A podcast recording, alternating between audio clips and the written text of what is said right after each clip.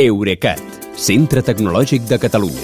Innovant amb les empreses. Innovant amb tu. Albert Cuesta, bona nit. Bona nit, Kilian. Després de tants anys reclamant que Alexa parli català, ara va i resulta que potser no valdrà la pena?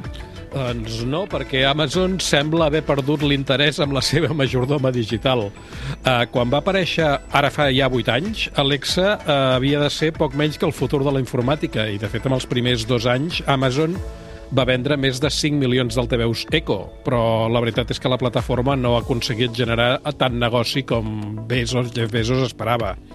Uh, Alexa va ser una de les grans apostes personals del propietari d'Amazon, fins al punt que els altaveus Echo, aquest que dèiem, que són, de fet, són un dels productes més populars de la botiga d'Amazon, però es venen a preu de cost perquè l'empresa no volia guanyar diners venent-los, sinó amb les compres de més que els usuaris havíem de fer amb ordres de veus, ja fos la mateixa botiga d'Amazon o amb serveis externs com demanar menjar a domicili o un taxi.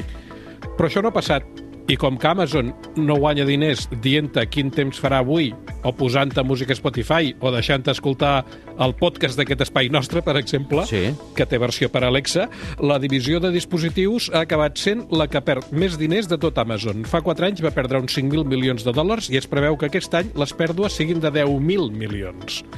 I per això, amb un clima empresarial com el que estem comentant aquests dies, de retallades i acomiadaments, la majoria dels 10.000 empleats que Amazon té previst despatxar són precisament de la divisió de dispositius, que és la responsable d'Alexa, i per tant eh, jo diria que el seu futur pinta malament.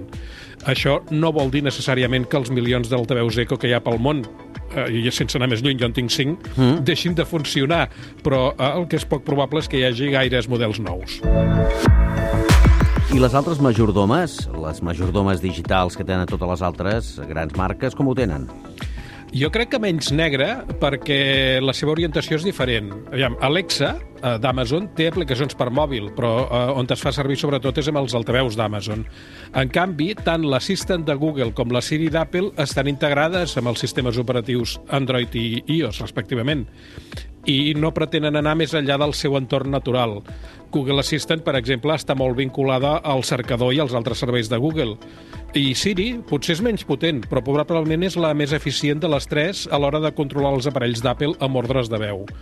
A més, tant una com l'altra sí que tenen altaveus vinculats, però sobretot es fan servir al mòbil, de manera que eh, es, es fan servir, estan més ben entrenades perquè hi ha més gent que les fa servir. I això es nota quan proves de dialogar amb Alexa. Sí que fa molta gràcia quan canta o quan t'explica un acudit, però si li, de, li demanes alguna cosa gaire més complicada, jo trobo que hi ha poques vegades que et doni una resposta útil. I d'aquí que Alexa fos la primera en arribar, però ara sigui la tercera en quantitat d'usuaris perquè les altres dues li han passat al davant. Només amb xifres dels Estats Units. Google Assistant té eh, gairebé 82 milions d'usuaris, Siri la fan servir uns 78 milions i Alexa menys de 72 milions. I per tant, allò que dèiem, ja no cal que ens escarrassem a reclamar Alexa en català, eh?